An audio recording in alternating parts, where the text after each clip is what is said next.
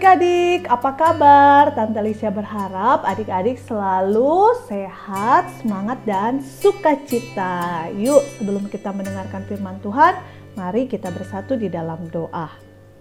Bapa di surga, kami anak-anakmu sudah siap untuk mendengarkan firman-Mu. Pimpinlah kami dengan roh kudus-Mu hingga kami dapat mengerti dan kami siap melakukannya di dalam kehidupan kami. Berfirmanlah ya Tuhan, kami anak-anakmu sudah siap untuk mendengarkan. Amin.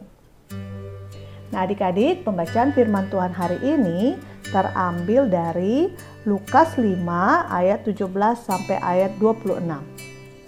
Ayo buka Alkitabnya, cepat-cepat-cepat. Lukas 5 ayat 17 sampai ayat 26. Kita baca yuk. Pada suatu hari ketika Yesus mengajar, ada beberapa orang Farisi dan ahli Taurat duduk mendengarkannya. Mereka datang dari semua desa di Galilea dan Yudea dan dari Yerusalem. Kuasa Tuhan menyertai dia sehingga ia dapat menyembuhkan orang sakit. Lalu datanglah beberapa orang mengusung seorang lumpuh di atas tempat tidurnya. Mereka berusaha membawa dia masuk dan meletakkannya di hadapan Yesus. Karena mereka tidak dapat membawanya masuk berhubung dengan banyaknya orang di situ, naiklah mereka ke atap rumah, lalu membongkar atap itu dan menurunkan orang itu dengan tempat tidurnya ke tengah-tengah orang banyak tepat di depan Yesus. Ketika Yesus melihat iman mereka, berkatalah ia, Hai saudara, dosamu sudah diampuni. Tetapi ahli-ahli Taurat dan orang-orang Farisi berpikir dalam hatinya, siapakah orang yang menghujat Allah ini? Siapakah yang dapat mengampuni dosa? Selain daripada Allah sendiri? Akan tetapi Yesus mengetahui pikiran mereka, lalu berkata kepada mereka, Apakah yang kamu pikirkan dalam hatimu? Manakah lebih mudah mengatakan dosamu sudah diampuni atau mengatakan bangunlah dan berjalanlah? Tetapi supaya kamu tahu bahwa di dunia ini anak manusia berkuasa mengampuni dosa. Berkatalah ia kepada orang lumpuh itu, Kepadamu kukatakan bangunlah, angkatlah tempat tidurmu dan pulanglah ke rumahmu. Dan seketika itu juga bangunlah ia di depan mereka, lalu mengangkat tempat tidurnya dan pulang ke rumahnya sambil memuliakan Allah. Semua orang itu takjub lalu memuliakan Allah dan mereka sangat takut katanya. Hari ini kami telah menyaksikan hal-hal yang sangat mengherankan. Demikianlah pembacaan firman Tuhan. Hore, keren! Tuhan Yesus mengampuni dosaku.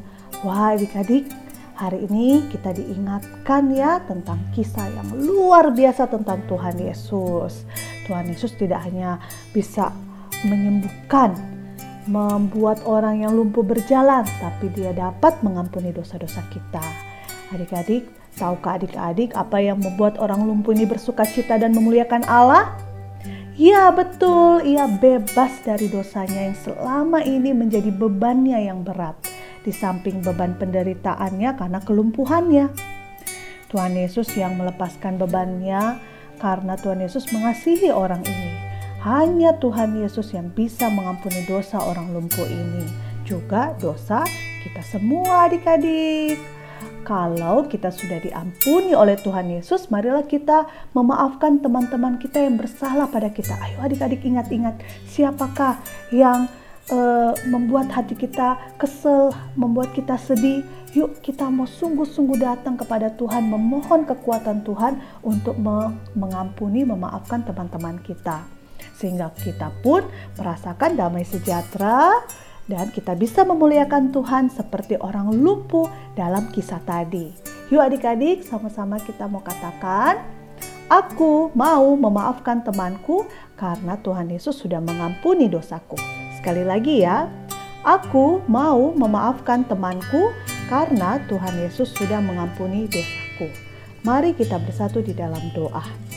Terima kasih Tuhan Yesus sudah mengampuni dosa-dosa kami anak-anakmu. Kami yang selalu menyakitkan hati orang-orang di sekitar kami.